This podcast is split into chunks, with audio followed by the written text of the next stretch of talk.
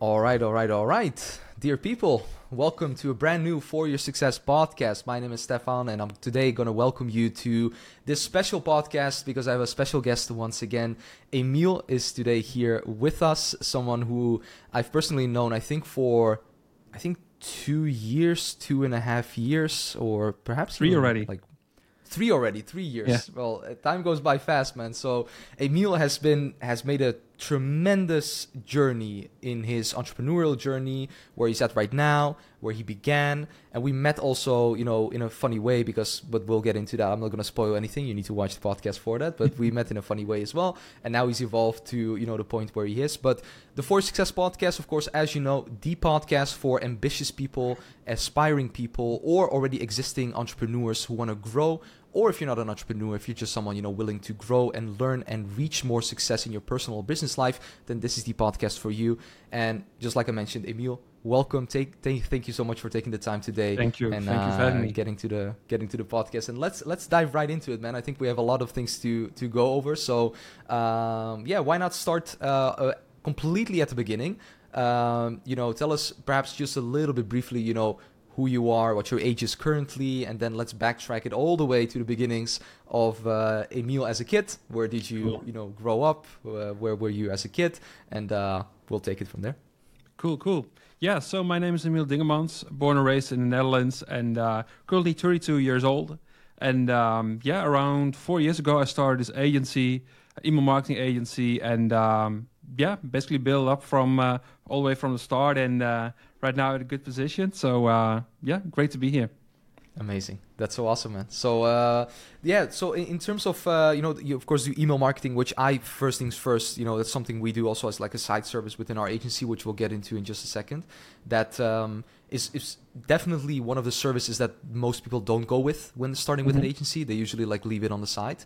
But before we go into the entire agency, like tell us a little bit more like how was how, how, were you as a kid? Like how did you grow up? Like were you uh, because you're an entrepreneur now of course you run a business. You have i think uh, team members right? Like like yep. multiple team members as well that assist you within, within your business. Like i'm always curious when i'm talking with entrepreneurs that are doing well within their business. Like were you also like that as a kid? Did you show assertiveness? Did you show specific like characteristics or traits as an entrepreneur? Or yeah. how was that for you yeah, so actually, no. So when I was a kid, I was quite introverted. So uh, no, I was quite difficult in making connections with with other people um, when I was very young. So uh, that's kind of interesting. But when I started turning around, I think like 15, 16, it started to change a little bit. So at the time, I started going out to parties, stuff like that. Uh, I also became a DJ. Um, I started giving lessons and being a DJ at a DJ school. So that basically uh, helped me in being more like extrovert, talking to people, stuff like that, and just going out. And um, also create a mindset of like the entrepreneurial mindset. Um, so yeah, it was basically start around 15, 16 year of age that I started to uh, discover like different sides of myself and uh, starting giving the DJ lessons, starting DJing, and from there, like years later, I started doing some some drop shipping, like more as a hobby to learn like different aspects of online marketing. Um, yeah, that was basically how it all started for me. Got it. That makes sense. So, would you say you were naturally more introverted, like as a as a kid? Yeah, definitely, definitely. Okay, got it, got it. And that's funny that you mentioned that because I'm also I was also introverted as a kid as well. Like uh, you know, I always call myself like an introverted extrovert, if that makes yeah. any sense. Yeah. But talk me through like how you um, like like like did you have any challenges w- like with that because usually like when you see um, you know you don't instinctively you know you usually you, people think like when they talk about like extroverts you think of like Gary Vaynerchuk being the entrepreneur that's you know yeah. at a you know selling things on like a lemonade stand or something like that or you know picking flowers from someone's garden and selling it to the people that it's the yeah. garden from like but for me at least as an introvert it wasn't that the case. Like how, how mm-hmm. was that like for you like that journey of like exploring as a kid like finding what you wanted? Did you already knew that you wanted to do something you know uh, creative like later on? Or like what, what was kind of your journey in, uh, in that way? Yeah so so first of all i think i'm still an introvert to be honest so it's not like necessarily if you're an entrepreneur that you have to be an extrovert. Definitely not. It also depends on what's like the definition of an extrovert or an introvert. I think for me the definition is that if you get energy out of social contact or if it just costs you a lot of energy. So, and for me, it just costs a lot of energy being in like a social environment and stuff like that. So that's why I think I'm more of like an introverted. Uh, but um, yeah, it doesn't stop me from from growing a business. So, um, and to answer your second question, so um, yeah, so like I said, so around the 15, 16 year of age, I started to change a, a, a bit. Uh, what also helped is that uh, I did a uh, study uh, for economics, and I, I, started working. My first job was at a DJ agency. So um, that's like a famous DJ agency here in the Netherlands. So we booked, or basically make sure that our venues were booking our DJs. Uh, so that had, yeah, one part of the job was that you had to go to the venues and um, yeah, make connections with the people over there. So you had to be a bit more extrovert. So that definitely helped me in, in changing my mindset as well. So um, I think that was like the biggest turning point for me. Uh, nice, besides the fact that at the year of 15, 16, I started becoming a DJ as well. So. That's awesome. So I think you know most of the people watching this, some of will be extrovert, more and more you know naturally inclined to be extroverted, more introverted. But for the people watching this that are kind of like you and me, like when you know growing up, like what would you say are like important things to do as an introvert? Because you it's you know it's it's hard for an introvert to to understand the importance of actually you know when running a business you don't necessarily have to be of course like extroverted but mm-hmm. in let's say for example a business like an agency or like a you know coaching business or you know specifically like that like you at a certain stage you have to talk with people yeah. unless you decide to use contract arbitrage from the beginning which i don't recommend because you mm-hmm. will be missing out on a valuable skill that you can develop in terms of sales but yeah. what would you say for an introvert perhaps watching this like what would you say helped you the most it was it just like you know putting yourself out there or just you know going yeah, for it? So uh, for me personally, the golden tip was just fake it till you make it. So I know even mm. as a kid on school, you know, you had to had to do these presentations in front of the classroom, and yeah, I hated that. I hated that. But I was just like faking if I was com- that I was confident. So people were mm. actually thinking that I was enjoying doing presentations because I I looked so confident, but I, I absolutely I wasn't. So I think that really helped me in like um, yeah, just pretending that I was confident, and then after a while, you were like, "Hey, it actually is kind of fun." So definitely helped me by just standing in front of the class as a kid to uh, to give presentations, and also now with, with, business, I know, especially in like the first half year, year or so, uh, when having sales calls, I was like, "I'm just starting here, and they are here," you know, that that mindset. Um, and after a while, especially because obviously I'm from the Netherlands, so English is not my my my original language. So um, that also was kind of a barrier. But yeah, if you just keep doing it and forcing yourself to do it, you, you get the confidence in that that you're doing it uh, better over time. Um, so it's just getting the reps in, just fake it till you make it, and then yeah, everything is gonna be all right. That makes sense, man. That's a, that's a great advice, and it's funny, like like I mentioned to you before the podcast, like someone mentioned me to me recently, when two Dutch people talk, uh, you know, in English, it sounds a little bit funny when yeah. you when you hear that. But I think with us, it's it, it's good, man, because we have a lot of clients also in in in the English. I don't think you even hear it as much, but. In, on that note, like that, just a side tangent. But getting back to that, okay, so you went to the DJ agency, you went to doing that, and then how like tell us a little bit more like how your path went into like you know drop shipping and and like you know getting started with the business? Like how was that journey for you? Yeah so i think in like the first five years after graduating from from college uh, i had different jobs in like uh, the marketing scene. So at the dj agency uh, at like our marketing agencies as well and just for like retailers stuff like that doing doing in-house marketing uh, uh, jobs. Um, yeah, I don't know exactly what the moment was, but at a certain point, I just started reading reading those books and just understanding like the system that we're in and like how mm. you can be free and, and, stuff like that. And I just noticed that if you're just working for a boss, just working, getting paid per hour, is not gonna give you the financial freedom that I wanted. So um, yeah, basically that was like the turning point that I started googling on uh, like side hustles and stuff like that, and that's why I also started doing drop shipping to first of all, yeah, make a side business, and second of all, also making sure that uh, I was just um, making sure that I could do more marketing tasks because uh, I did a study economics, uh, but it was just fully focused on like offline marketing just like the old school analytics stuff and just the boring stuff that you never use nowadays.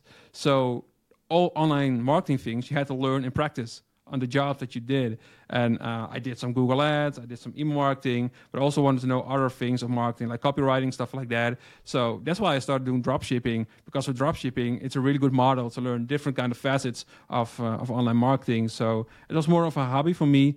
And um, yeah, I also made some side money with it, not a whole lot, uh, but it definitely was the start for me uh, in like being an entrepreneur and starting a business from there. Did you have? Did you were you working at a DJ agency and then on the side doing the drop shipping and learning all those Uh, things? this was or a few years later already. a few years later. Mm, Okay, yeah. makes sense. Okay, got it. And so, how did it then go with like drop shipping? Like you enroll in like a business model, and then it's oh, there's many things to learn, and then how did Yeah. that growth like go for you, basically? Yeah, I think I did it for just like half a year or something like that. Um, yeah, after a while, I was like, this is just not my my business model uh, with the customer support and stuff like that. And also uh, at that time in the Netherlands, there was quite a big of a discussion uh, online if that if dropshipping is like ethical uh, with just buying products from AliExpress and stuff like that. So I was also wondering, is this like the thing that I want to make money with? Is this a thing that I can really create value with? And I was like, no, this is not my business model. So it definitely helped me, but I knew that this wasn't the thing that I wanted to do like long term. And that's why I switched over to like the agency side. Got it. Got it. So you were doing dropshipping then for six months, and then you decided, and then did you uh, pivot immediately, like after those six months, like to the agency model? Or did you also do like different things, like in between like, No. that period of time? You know, at the time I switched to the agency model, but first I did paid ads. So just the famous Facebook ads agency. Yeah, that makes sense. That that makes sense. For what what was kind of your niche, and how did that like go in terms of the beginning stages of the agency? Uh, first of all, just the standard like gyms and stuff like that, and uh, uh, yeah, so like escape rooms, gyms, like everything basically in the Netherlands. So it was purely purely focused on the Dutch market. Got it. Got it. Okay. Was that was it? Uh, I I I remember when we spoke like three years ago. Then we spoke, but I I think I rem- was that a time when you already like had clients, like you had clients, and then we spoke. I think. Or was Uh, it- Yeah, I think so. Yeah, yeah, yeah. I think I had the first few clients already, and then joined your uh, your your course, and just like growing the business. What what what type of clients did you have? Was that like the escape rooms and like gyms Yeah. and all those things? Or yeah. oh yeah, So it was like pre-COVID. Got it. Okay, that makes sense. And then you came to the best program there is, man. Come on, let's go. H Accelerator, the old school, Yeah, old school mo- program that we had. So, what? Because there's a lot like for the dropshipping. Did you all? Did you just learn it yourself, or was it more? Or did you also have like you know? Did you buy? no, I did all myself. program. Yeah. So just All yourself. YouTube videos and stuff like that. Okay. And also, What- I knew a, quite a thing about online marketing. So ju- it was just filling the gaps and just learning how to build a system of running a dropshipping store. Um, so yeah. Got it. That makes sense. And so, what made you join the notorious agency accelerator at that time, having to you know had that all, all that information Yeah. beforehand? So I think the major benefit was that it was a Dutch course. So it definitely helped me. I know at, at the time there were already a lot of big uh, courses from like uh, the United States and stuff like that. But I was just looking for a Dutch community, also to build like a community and just learn other people. So um, yeah, I think you just retargeted me with some Facebook ad or something like that, and um, yeah, that started get the ball start rolling to uh, towards your, your towards your course. Just one question for you, because I've been a person. Of course, you know, like I've, you know, we keep on investing. We keep on investing in ourselves, whether that be books that you have behind you, the ones that I've done myself, or mentors. What, what do you think of the entire like investing in yourself in types of like programs? Because there's so many like fluff out there, right? Yeah. People just selling like air, basically. But what what are your thoughts on people, you know, looking at this and they are perhaps an aspiring entrepreneur, willing to invest in themselves? What would you say is really important before even taking a step like that, or, Yeah. or doing something like that? Yeah, good question. So I think I was falling into the trap in buying a course and then buying another course and then buying another course just because, yeah, you were not growing the way that you wanted. You were like, yeah, but this course, this is going to help me move forward and this course is going to help me move forward. Uh, but yeah, after a while, I learned, yeah, the course itself is not going to make the difference, but it's just the work that you put in. And honestly, some courses can definitely help you with growing your business and learn like the basic stuff. But to be honest, at this point, I think for like two years or so, I haven't bought a, cur- a course anymore because it's just not necessary. I'm in communities, just with connecting with other people. That's definitely a thing that you should do and, and invest in. That's a really good thing. But like buying books about uh, yeah mindset and stuff like that, I did it in the beginning. But yeah, at this point, I mean, yeah, the time that you put in in watching all those videos and reading the books, just you can put use the time in doing outreach and getting clients. So that's a much higher return on your investment than just buying another course. That's basically selling the same thing, saying the same thing, but just in a different way. So yeah, that makes sense. That makes a lot of sense. And yeah, I think it's just in, in terms of like the stage that you you know get into because yeah. usually we begin with a course, then like you get the guideline. Then when you know it, like okay, what's there else to figure out? I just need to you know learn, you know, connect mm-hmm. with other people that are doing it as well, and then evolve. And in terms of your growth, like you then joined, you had the gyms, you know, basically the the you know the clients that you had then. Talk us through like how did your journey go? Like like how did your agency journey grow? Like from there, I'm really curious yeah. to know that. Yeah, so um, first I was just doing the local brick and mortar stores in in the Netherlands, uh, but then COVID hit, so that was kind of a shame. So mm-hmm. everything was closed, of course. Uh, you know how it's been. It's like three yeah. years already. Um, so yeah, I had to do something. I mean, yeah, all these people were asking for refunds and they wanted to quit the, the, the partnership and stuff like that. So that was the point that I started switching to like e-commerce businesses. And um, yeah, there was kind of a major transition, but uh, because yeah, I was not just only switching to a different niche, but also to a different country because I was not targeting e-commerce businesses in the Netherlands, but in the US and the UK and other countries in Europe. So um, that was the biggest switch that I made during my uh, my uh, my business. Um, but it was also the, the, the switch that I had to make and really benefited my my business in just all different kind of ways. So that's interesting. Why did you decide to pivot to the UK and US market? yeah, well, you're Dutch as well, so yeah. you kind of know how Dutch people are. I know. I know. I don't think the people. I, I, some people might might not know, or the Dutch people watching might know. I know. yeah, yeah, So yeah, like the, the, the, standard question that you get if you're in a sales call and you're saying, uh, yeah, the, the, investment is like uh, I don't know, uh, one k or something like that. The first question that they ask is, okay, so how many hours are you going to work for that amount? That's the question that Dutch people ask. Well, if you say this in the US, or they're just saying, okay, let's go, or they're saying, what are the results that I can expect? So it's they have a really different mindset. And yeah, for example, 1K in the Netherlands is a big, big amount for a lot of uh, businesses in, in the Netherlands, while 1K in the US, yeah, that, that's nothing for them. So that was basically the reason that I transitioned to, to the US market, especially.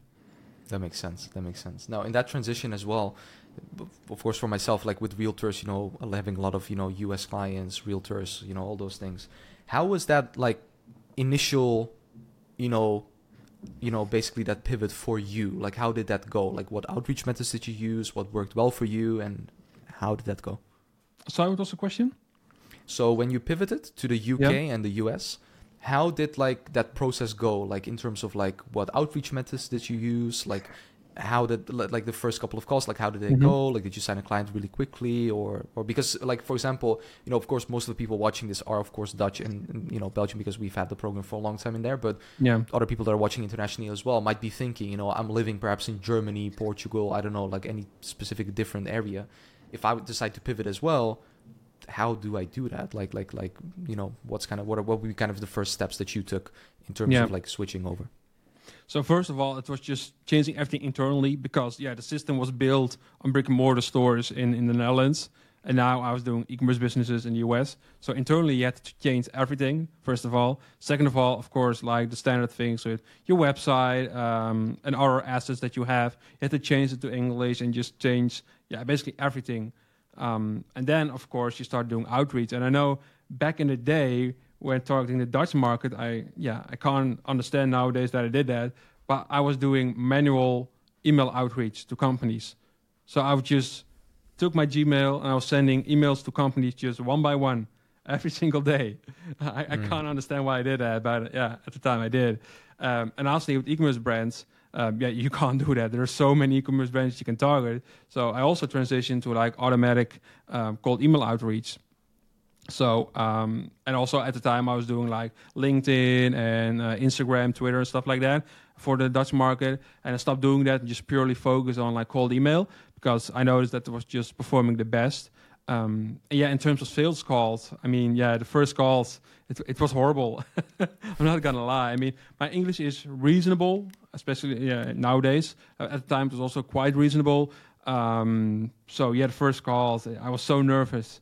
Um, so it was kind of awkward. But I think my fourth or fifth call, I turned that one into a client, and um, yeah, just the fee I got from that client was a lot bigger than I ever had from like a Dutch client. So Mm. I immediately knew that I made the right choice uh, back in the day.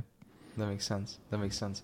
Did you get any questions about like, hey, where, like, where? I always got the question from like, you know, you speaking people like, oh, like, where are you from? Like, oh, like, you know, basically like from uh, when you see the Netherlands, oh, the Netherlands, and then they also like get into like that kind of gist Yeah, yeah, yeah. Did you did you get that as well? Like, Yeah, yeah, yeah. yeah I mean, Mm. it's one of the first questions that I do, like small talk. Oh, where are you based? And I say, and you, yeah, in the Netherlands. Oh, near Amsterdam. And I'll say yes. I don't live Yeah. near Amsterdam, but yeah, for for American people or other countries, yeah, it's just the easiest way to say it. So exactly. Yeah, that makes sense. oh, I always get that. So, um, okay, so it makes sense. So, so then you start, and, and were you already like doing email marketing then, or was it also still like Facebook ads? Facebook ads. Still for, Facebook ads. for. Okay. Yeah. Okay. Got it. Okay. So how did, like, take us through the journey of getting to the point of you know you now doing email marketing, like starting off Mhm. with Facebook ads, and like how did that like how did that go? Yeah. So I started doing Facebook ads, and uh, I mean, for some clients we had good results. For other clients we didn't have good results, and uh, I was doing everything by myself back in the day. And yeah, you had to go inside the ad manager every single day, just checking it. And what I noticed is that, like every day, I was sort of afraid that the results of the previous day weren't good for our clients. So it just caused me a lot of stress that the results weren't good uh, because yeah, you have good days, you have bad days. Uh, and in the end, the result was, was pretty good for, for a lot of our clients. Uh, but yeah, just that daily stress, I didn't like that. Uh, and also, what I noticed when I was talking to, to, to my clients is that they had a lot of problems with like the profit margins and just turning their the first time buyers into returning customers. So um, yeah, once yeah, at a certain point there was one client I was talking to him and um, I was just saying like, hey, we might could try email marketing for you because I wasn't he wasn't doing anything anything with email marketing. So he had a Klaviyo account. I was going inside his Klaviyo account and uh, had a history as email marketer for a retailer in the Netherlands when I wasn't uh, having my own business. So I knew a couple things about email marketing, obviously. Um, so I knew a, a few quick wins that will generate him a lot more revenue. So I, I was doing a side uh, cross sell to him for email marketing. I started doing that, and we were getting some amazing results for him actually. So uh, that was a turning point for me. That I was like, hey. I actually like this a lot better because you don't have to day to day hustle with like uh, bad results, good results, because it's more like a steady flow of revenue that you're getting. So personally, I like it a lot better. I noticed that uh, that we had some really great results also for other clients where I was cross selling email marketing to them. Um, so yeah, after a while, then we also had iOS 14 or 15, I don't know anymore, Mhm. with like the cookie Mhm. stuff. Uh, Yeah. So then the results were even worse for for Facebook ads. Uh, it was difficult to target like specific people and stuff like that. Um, so that was the basically the point that I was like, hey, I'm just gonna transition the whole business again uh, for like the, the second, third time, and now I'm gonna do like email marketing for for e-commerce brands. And um, yeah, that was the last switch that I made, and uh, still happy with that that I did that. That makes sense, man. So I think what a lot of people don't understand, like uh, you know, with students of our like our programs and and things, they they think that they choose one niche, choose one offer, and then that's it. Like that's Mhm. the end game. Yeah, But it's not. That's just where it starts. Like you evolve as an agency owner. So you Definitely. mentioned you pivoted like almost two, three times until you found like the right one. And Mhm. for me, it was the same. Like I pivoted four times, and now it's like okay, e-commerce and coaches. Like that's that's the main thing that we're doing, and we're what I told you before. Like we're kind of a growth partner within their business. We're doing Yeah. you know most of the things. So on that note, like e- you know, with email marketing, I think a lot of people might have questions, like in terms of you know that I also had like before, you know, getting into Klaviyo, you know, the flows, like Mhm. you know, setting up campaigns. So when we talk about email marketing in itself, what would you say are the main um, like benefits compared to you know doing the standard meta ads or like f- Facebook Mhm. ads or Google ads or just for or TikTok ads for clients? Like, what would you say were the main benefits from your perspective do, doing you know yeah. like email marketing instead of something else? yeah, so I think with meta ads, like the main thing, the main goal is to acquire new customers with meta ads. Also, you have your retar- retargeting ads and stuff like that, but the main goal is just getting that first customer in. Uh, but honestly, you have your ad costs, and those are rising every single year, so you have to spend more and more to get a new customer for your brand. While with email marketing, you're basically doing three things. First of all, you're making sure that the website traffic is being captured into your email list. That's the first thing. Then you're making sure that your new subscribers are doing the first purchase at your store. So that's the second thing. And then you can make sure with email marketing that this first time buyer will come back and do another purchase and another purchase. So the retention side of it. So you're basically filling the complete customer journey with with email marketing compared to paid ads, which is just like the first step of uh, of the customer journey is getting getting that first purchase. So I think that's the beauty of email marketing. Also, you do need paid ads next to email marketing because, yeah, email marketing is not going to generate more website traffic. You do need like paid ads or uh, influencer marketing for that.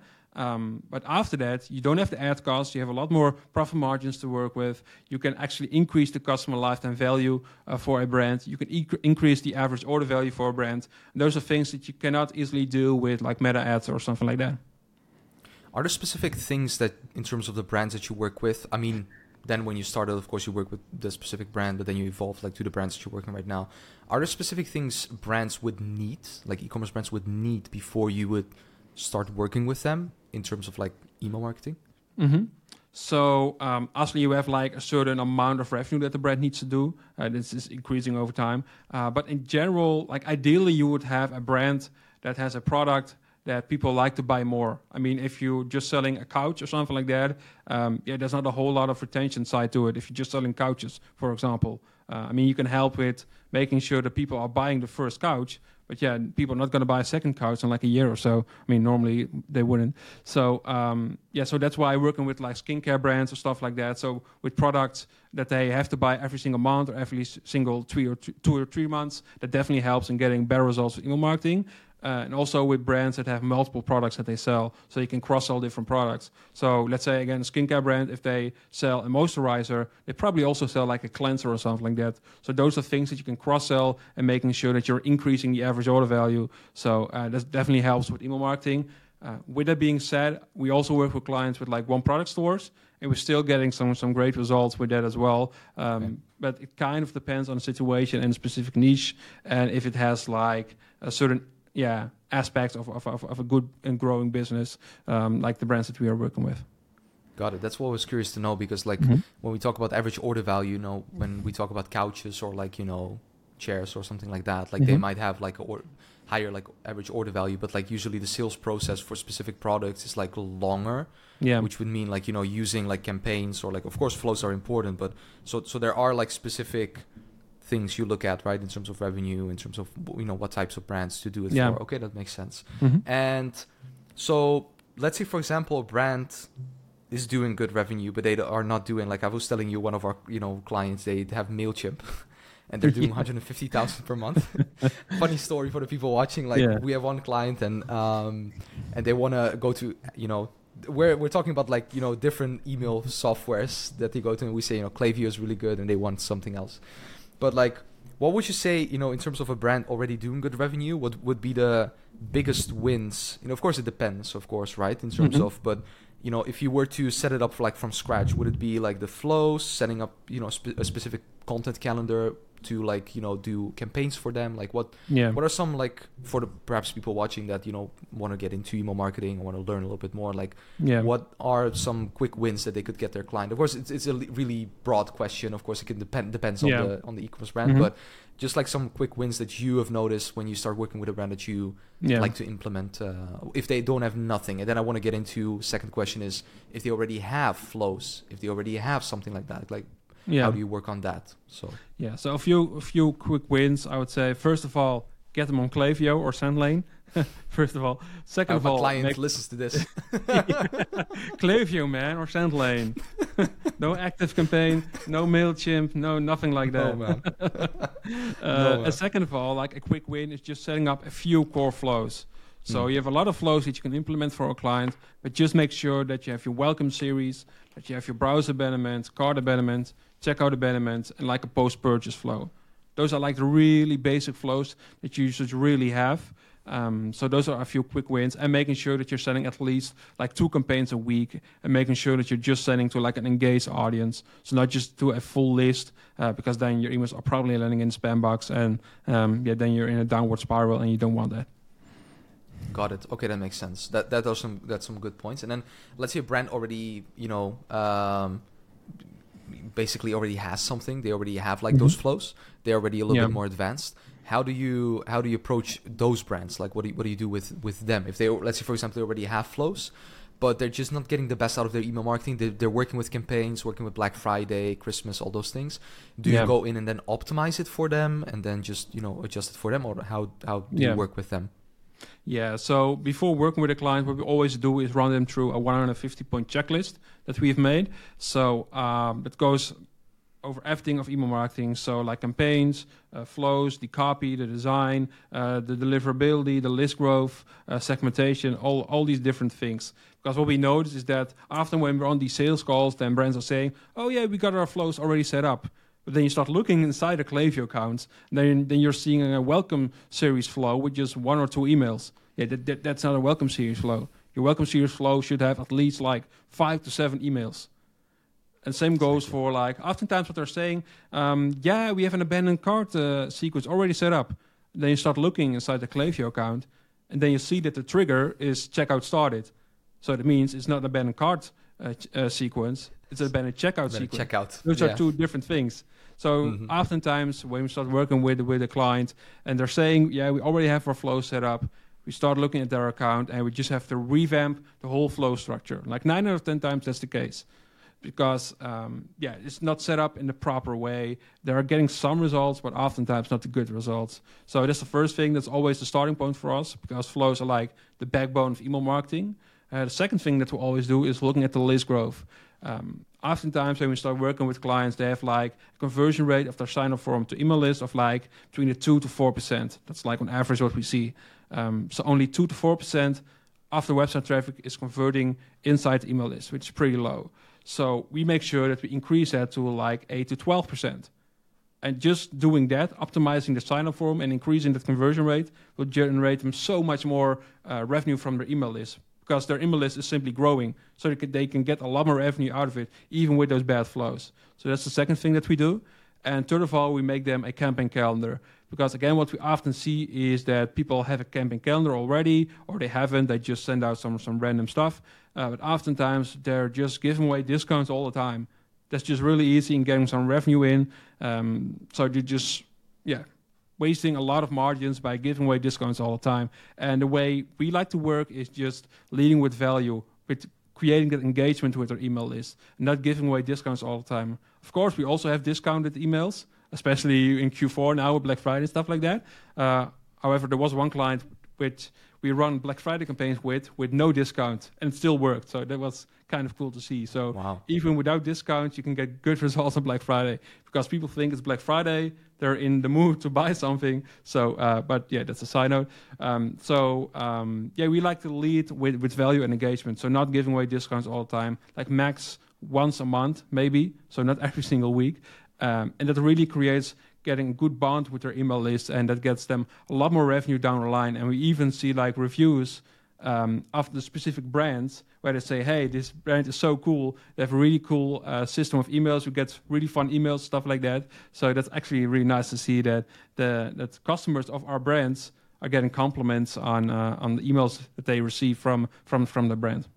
That's so awesome, man. That's so awesome. That's that's that's amazing to hear, man. And you know, one one thing that I'm currently thinking of when you when you mentioned that you mentioned a lot of so this is really amazing value. So Emiel is uh, just just popping off here, man. That's amazing. Um, so one thing that I'm I'm really curious to know, and I think my, some people might think of this as well, is when we talk about like meta ads and doing that as a service, that you usually talk about like the retainers, the big retainers, you know, the whale clients, all those things. When we talk about email marketing, how like like how to do like a monthly ret- like you know which is one of the questions I asked you when we you know got in touch back back again like recently it was you know how like a monthly retainer like how do you present that how do you create that and, and and get that going because I can imagine like you know with for us with ads you know we do ads but then for example, I also have you know a strategic referral partner in terms of like building landing pages. Mhm. So we build landing pages or a website, and then it's like okay, you created a website, web shop. Then it's like SEO, it's like a monthly retainer, or like hosting is like a monthly small Yeah. retainer. What is it like for email marketing, and how could someone like position that? Yeah. So actually, what I did until like a few weeks ago, I was just working performance based. So that means that we just had a little setup fee to have some skin in the game for for the, the client that we're working with. Uh, but we didn't work with a monthly retainer. So we work performance based. So that means that we took a percentage of the revenue that we generated for a client. Uh, so this basically was like a zero risk solution for the e-commerce brands that we're working with. Because um, in the US there are a lot of email marketing agencies. So Mhm. yeah, they're like, yeah, I mean, what makes you different? Uh, so yeah, I was thinking about that. What makes me different besides like the quality that we deliver? But that's difficult to like show in like the first sales calls. So I was Mhm. like, yeah, but we also have like our performance fee structure where um, our goals and your goals are aligned because it's in our best benefit to generate you more revenue. So we work performance based and it really worked well for over the last few years. Uh, but recently we changed to like a monthly retainer with a guarantee that we have that we guarantee a certain amount of, uh, of email revenue or increase in email revenue if it's like a bigger company, uh, and then we just work with like a monthly monthly retainer.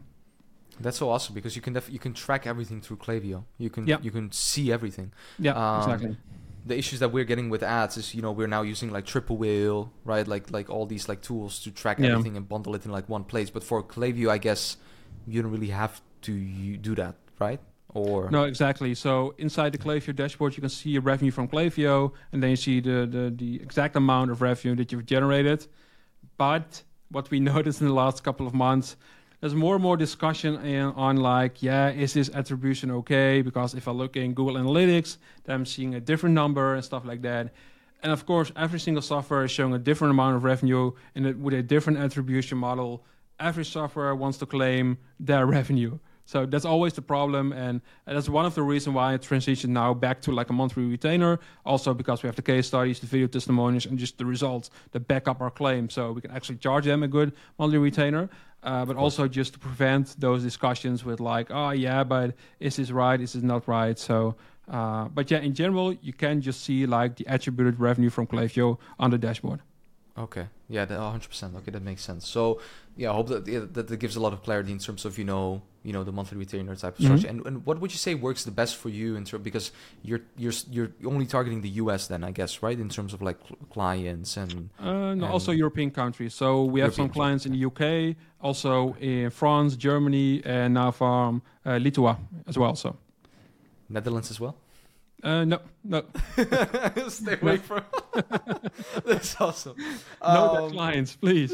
no Dutch clients, man. No Dutch clients. Um, so okay, so that makes a lot of sense, man. And and what are kind of your, you know, because would you say you you uh you know you enjoy working more as like a boutique agency or like a you know basically a you know grow as much as you can like balloon air like hot balloon air just pile up Mhm. and just blow up as much as you can type of agency like what is kind of your preferred way of having the agency and why Yeah, so th- that's an interesting question. That's something that I- I'm thinking about more and more in the last Mhm. couple of months. Uh, honestly, when you're starting, like the big uh, benchmark that you want to hit is like the 10k a month. That's like standard. But yeah then 100%. you are at 10k a month, and I was expecting that. I was like, oh yeah, well, I made it, you know. Um, but then you're like, yeah, 10k, yeah. It's, it's it's just 10k, exactly which may sounds a bit weird if, uh, if if you hear this, but they are just setting new goals and new goals. And um, but lately, I'm I'm actually thinking like, yeah, when am I truly happy with with results? When I'm like, hey, this is it, you know.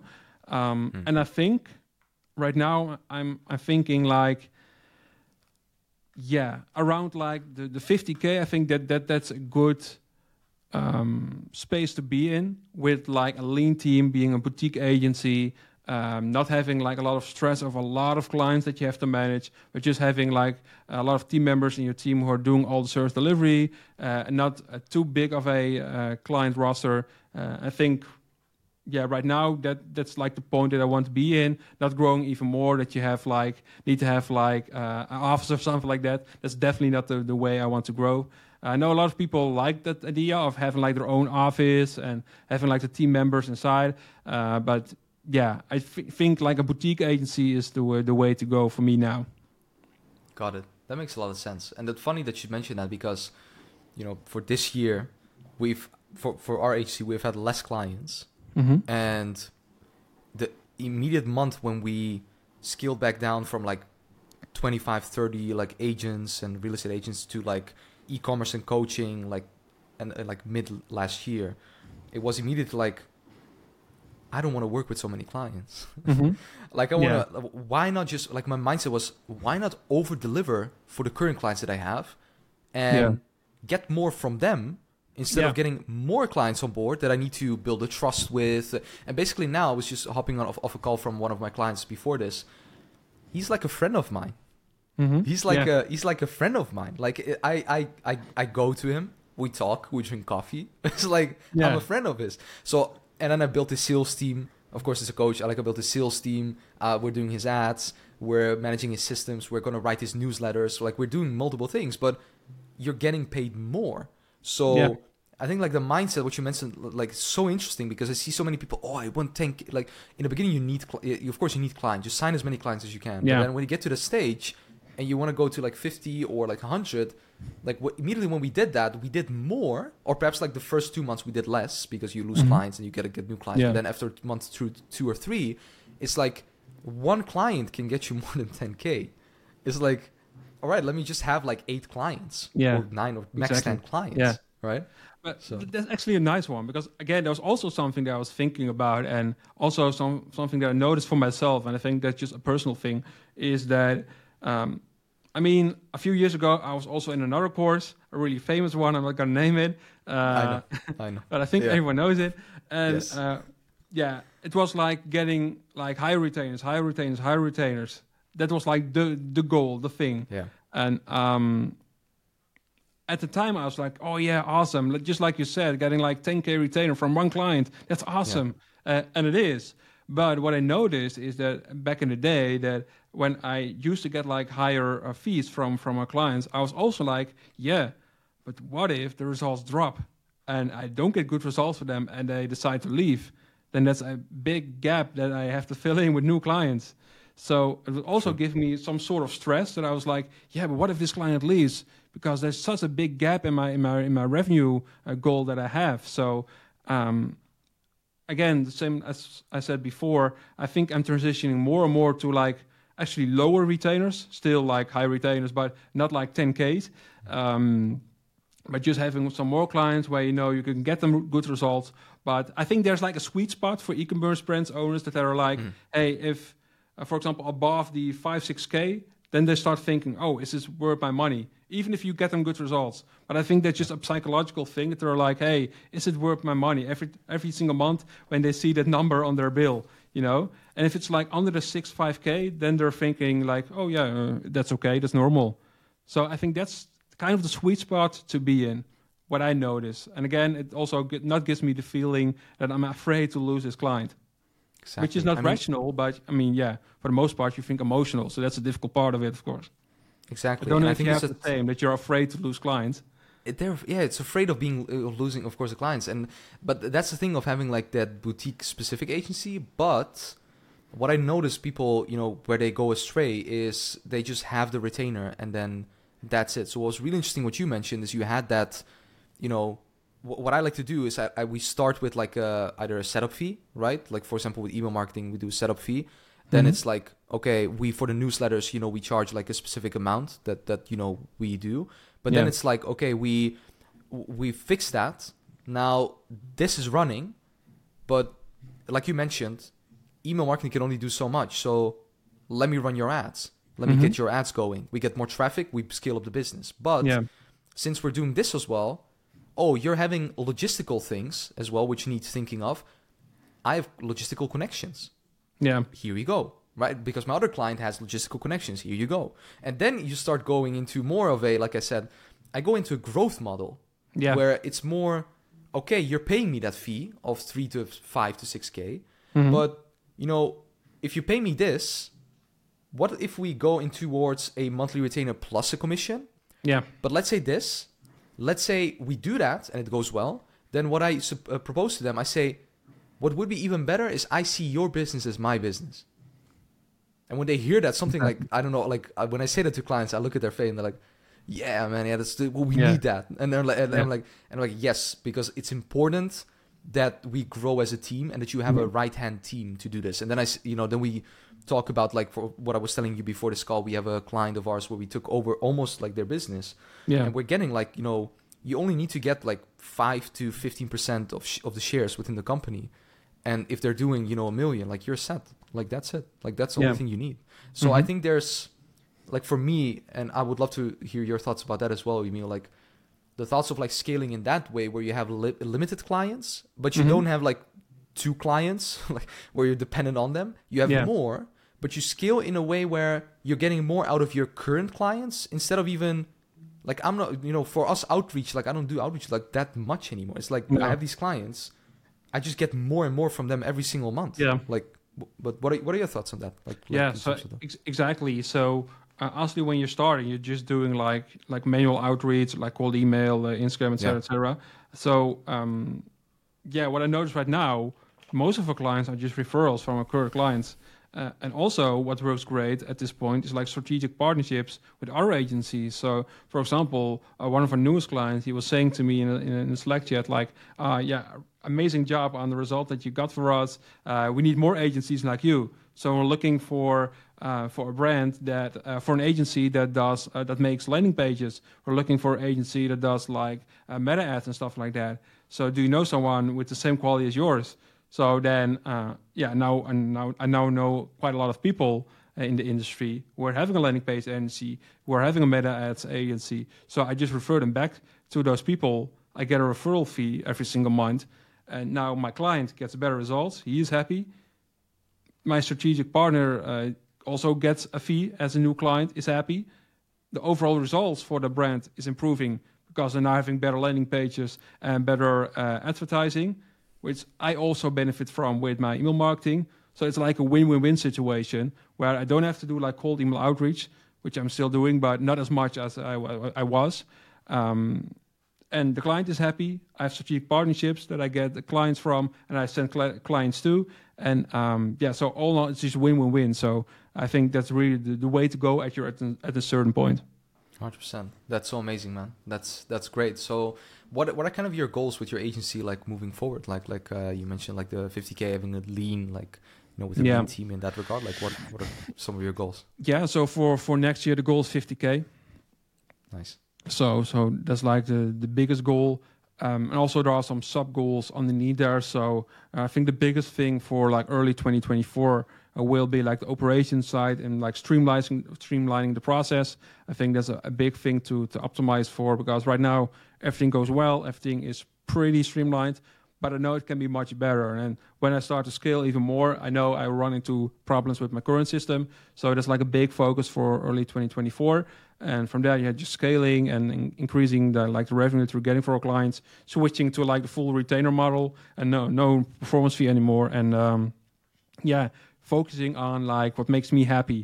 So not only like growing in terms of revenue but also in like the feeling of myself. So not having stress of running a business or need, or at least less stress just enjoying the process and just enjoying life. I mean yeah we're at the point that you should also enjoy life. I mean of course it's important to to put in a lot of time and effort into running an agency but you also have to enjoy it.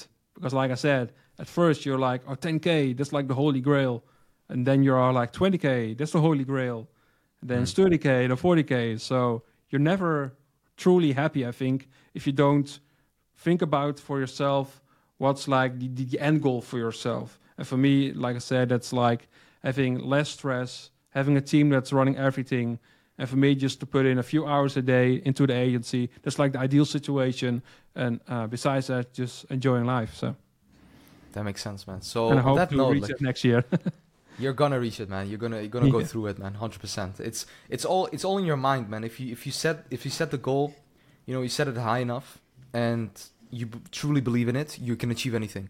Like there's nothing that you can't achieve. Uh, you can achieve anything. So, on that note, you said you know having more fun, enjoying life, right? Or like like enjoying. talk to us because it's of course the For Success podcast. We talk a lot about the agency, and I already mentioned to you like we know I want to talk a little bit more about you know combining relationships Mhm. with the agency because the agency can be really a like a lonely type of business, sitting behind Yeah. you know the laptop, talking with your team, and then okay, uh, I go on right like Yeah. like what do what do I do with my day? Yeah. So talk to us about like combining the agency in terms of like relationships, personal life. Like how do you do that? Like how do you combine those two things? Yeah, so um, yeah, for people, so I have a girlfriend for over the last ten years now. Um, so she has experienced like the beginning of the agency, and she's experienced everything now. So th- Mm. that that's kind of fun. Uh, and for your information, so um, June this year we bought our first house. Before that, we were in a rental apartment, um, which is one bedroom, a living room. Um, so no second space to have like a home office. So I was just working in the living room. I did that for a few years. So when I was having meetings, I was just sitting at the, at the kitchen uh, uh, table and just doing my meetings. And then I was like, oh, maybe you have to go away so I can just focus on the meeting, you know. um, so that was kind of kind of fun. And we also have two dogs, so it is also a good thing to know. Nice. So while I was doing the meetings, the dogs were running around or they were also gone.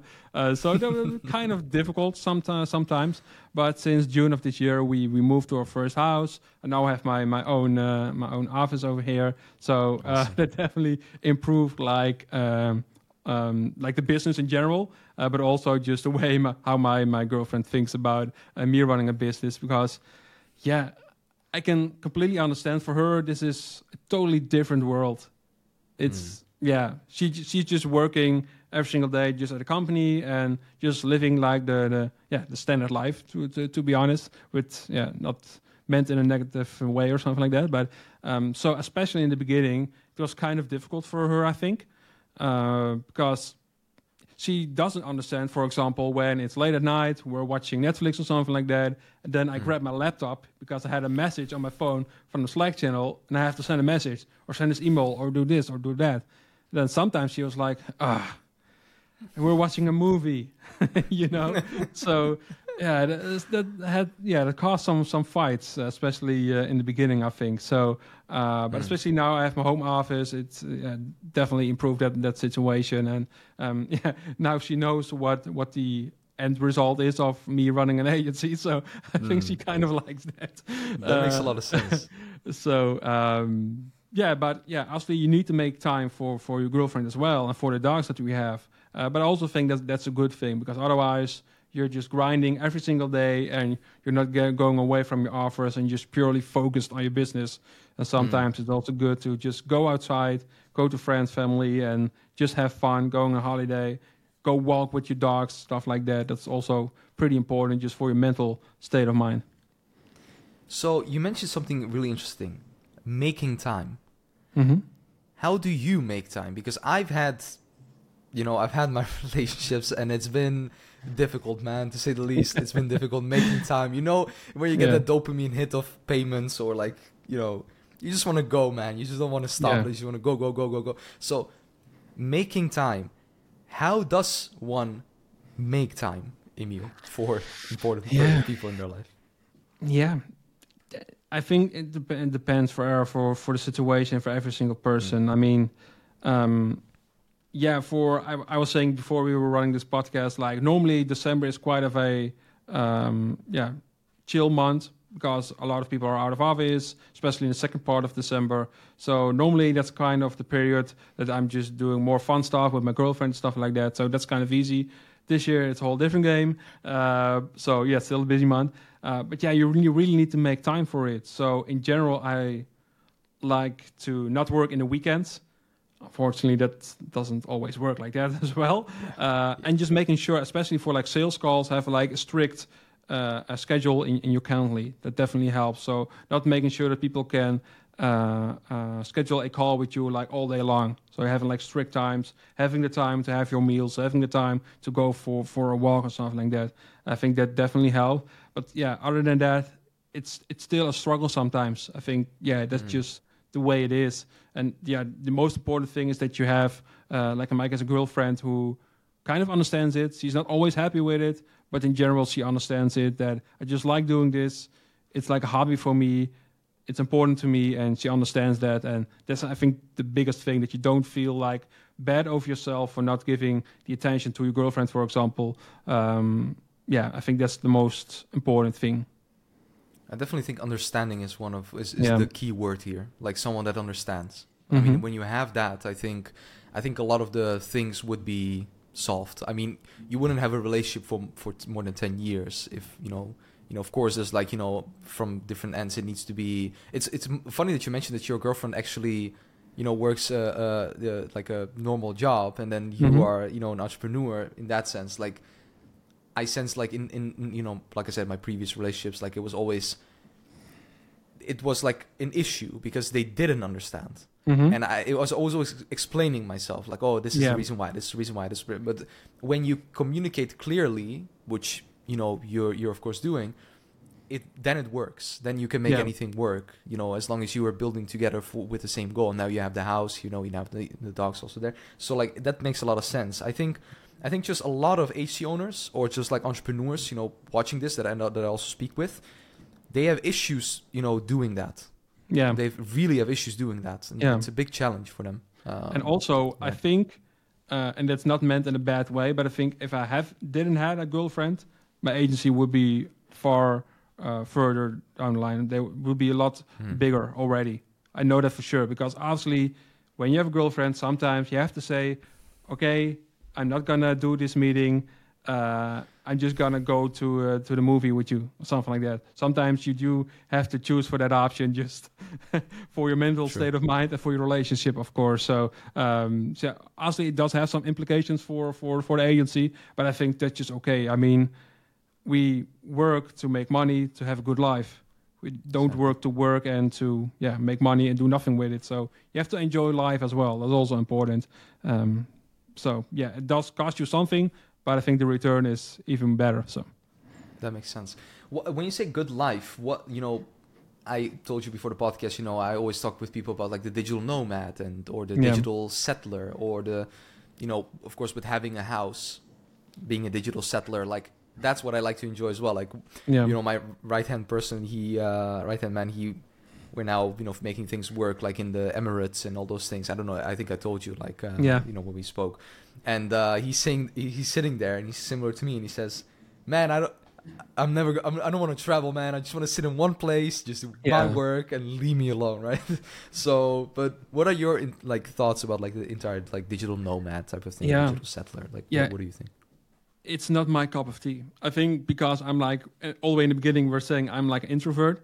So Yeah. I'm not like the outgoing type who goes to Bali and makes connections all the time and uh, yeah, you know, go to parties all the time and stuff like that. So I'm not that kind of person. So for me, it was quite easy. I don't want to live that life. I mean, like the idea in general. Um, it's interesting that you just go like in the winter. I mean, it's shitty weather over here. That you go to uh, to a nice sunny country or something like that yeah, that kind of would be nice, but obviously, yeah, in my situation, yeah, that doesn't make a whole lot of sense. So, um, yeah, and I think like like you mentioned, so I think just having one strict place where you work and just focus on your business it gives you a lot better results uh, in general compared to like digital nomad life where you work for a couple of hours and then go to the beach and have fun. Also, that's great. And again, you have to enjoy life as well. So maybe the growth of your agency goes a little bit uh, uh, less than than you would hope for. Uh, but if it gives you the, the return that you want, like a happy life, then definitely go with it. But um, yeah, it's not my cup of tea, to be honest. It's just so difficult, man. It's difficult to be to work, you know, four hours and then just go to because it. I always have the sense of like I can do more. Like I can I can get Yeah. more out of myself. I can just be I could just be working instead of you know doing this. And I think it's also what you mentioned. Like this is a hobby of mine. Like Mhm. I'd I'd rather do this. Like I'd rather work. So I I- I'd rather just sit in one just work. Let me work. yeah, That's it. And yeah. I mean, yeah. like like last week, for example, I was with my girlfriend. I was to like a Christmas market on, on like a Tuesday, I believe, because Mm. it would be quiet. It wasn't, but okay. but uh, so I, I was there, and normally I'm working on a Tuesday, obviously. Uh, but we were there, and then constantly you're looking at your phone. Are there any messages? And you're constantly thinking, "Ah, I need to go home. I need to work," because you're ju- just so used to work. You're just enjoying the work as well. So that's honestly also sometimes a bit difficult that you can't be fully in the moment. It's still something that I'm having issues with. Um, so that's kind of an interesting ex- aspect of running an agency as well. Do, do you meditate? Not anymore. I did, but I Mm. kind of yeah didn't want to make the time for it to be honest. Yeah, because me neither, man. So that's why I wanted to ask you because I always hear from people, you know, you Stefan used to meditate, you were in the, and now it's just okay, go, go, go, go, go, go, go. So Yeah. I think it's, yeah, I think there's there's there there's benefits to this, but in terms of like also with that what you mentioned, I think a lot of entrepreneurs have like my, me myself, I have that as well. The only thing is, I do I do notice having just one day off, just balancing it out, just on a Sunday, having one day off, or Saturday evening and then Sunday Mhm. then those two days or like one and a half days i the the the energy that i get from those days not being in the office or in the home office gives me so much more energy and clarity Yeah. the week after that it's crazy and then i said you know what i'm gonna keep this like uh, like lifelong like this is gonna be my standard right now right Mhm. uh, because you can always do more, but you're just gonna. And I've had it multiple times, like four times, almost close to a burnout. You know, in the past Yeah. five years. So when you, I pushed it so much that there was like a limit to it, and it's like, okay, you Mhm. need to backtrack, and then you have a one month that you need to recover, and then you go back at it again, and it's like, oh, I do seven days again, like if you didn't learn from something. Yeah. So I think having that one day off is really, Yeah. like then you have a really lot more energy. You're way more excited to get get start working again. And in like a larger aspect, I think it's also a good idea to go on a holiday every few months or Mm. so. Yeah. Because what I noticed 100%. is that, for example, a few months ago we were to Switzerland uh, for like two weeks, and then like the first week you're like, oh, this is nice, and actually like every single day I was working for like 30 minutes, 60 minutes a day just to do like the general stuff uh, and Yeah. helping the team and stuff like that. But furthermore, it was just like a full vacation, and like the first week you're like, ah, this is really nice, but then the second week.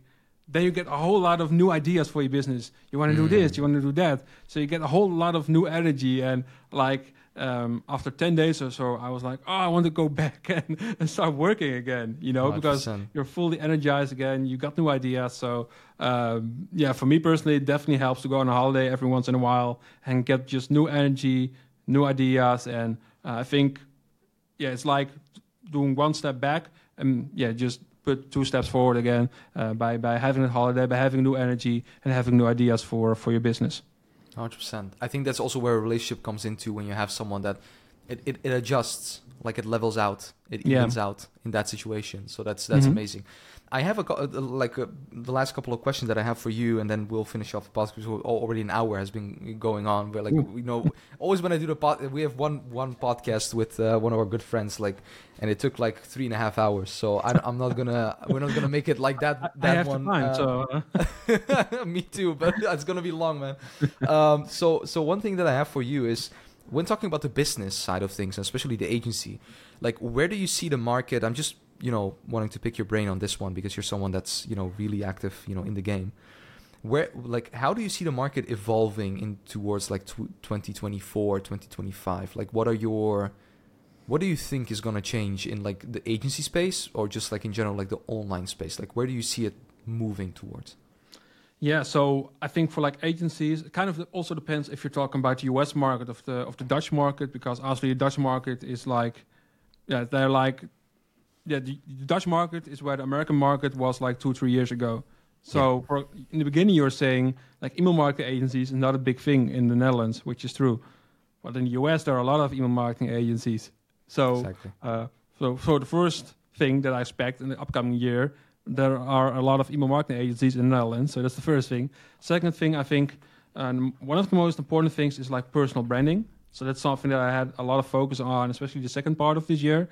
So uh, being out on Twitter, on TikTok, uh, YouTube videos, stuff like that, uh, and getting clients via your your personal brand. I think that definitely helps uh, because um, yeah, what you're seeing more and more with like uh, outreach methods like cold email, uh, they're making it making it way more hard for you to to do like bulk outreach to like a large large amount of companies with like the new requirements from Gmail and Yahoo.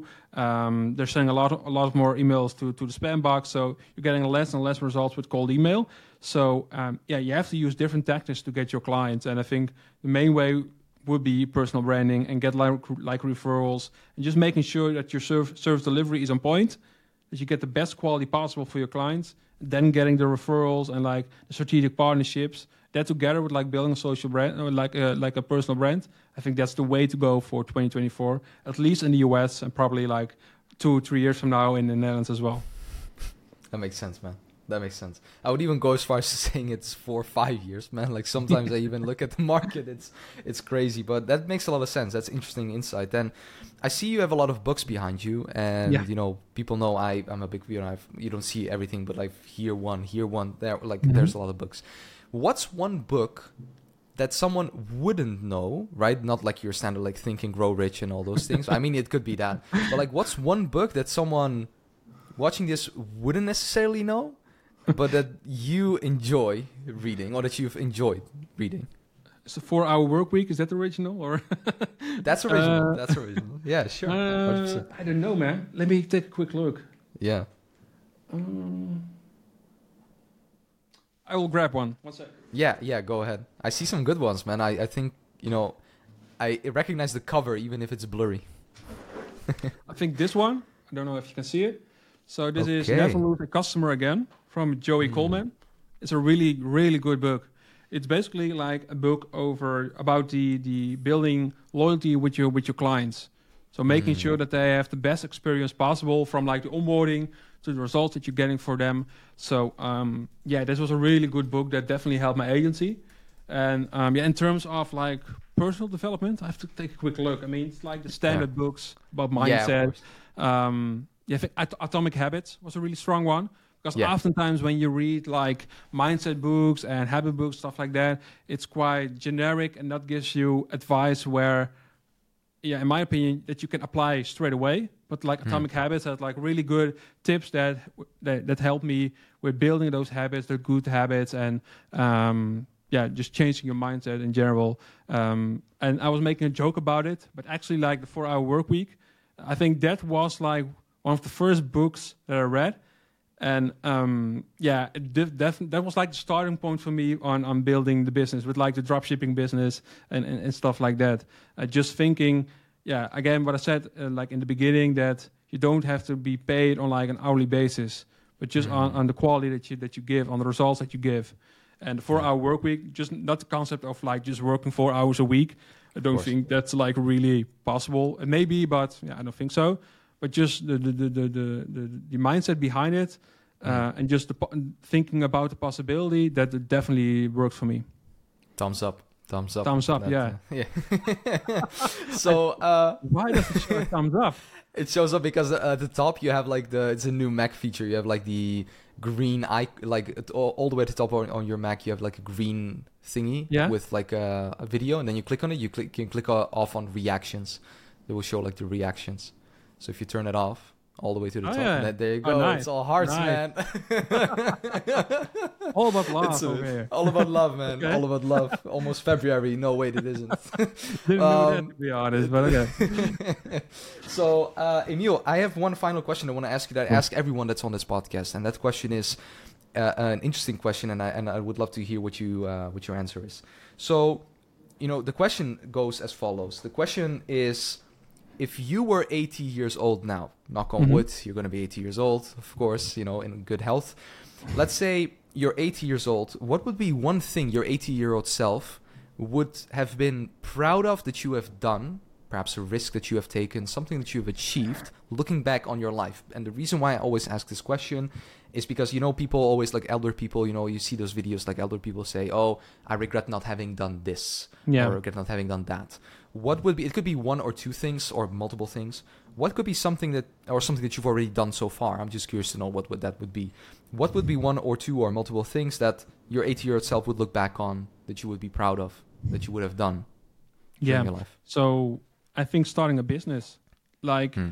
at first I was like uh, having the safety of just working for a boss, you know, uh, getting your, your salary every single month. That was like the thing for me in the beginning. Just having that that that safety safety net, especially in the Netherlands, of course. Uh, but yeah, taking that step in starting your business, getting started, and building all the way up. I think that's when I'm 80.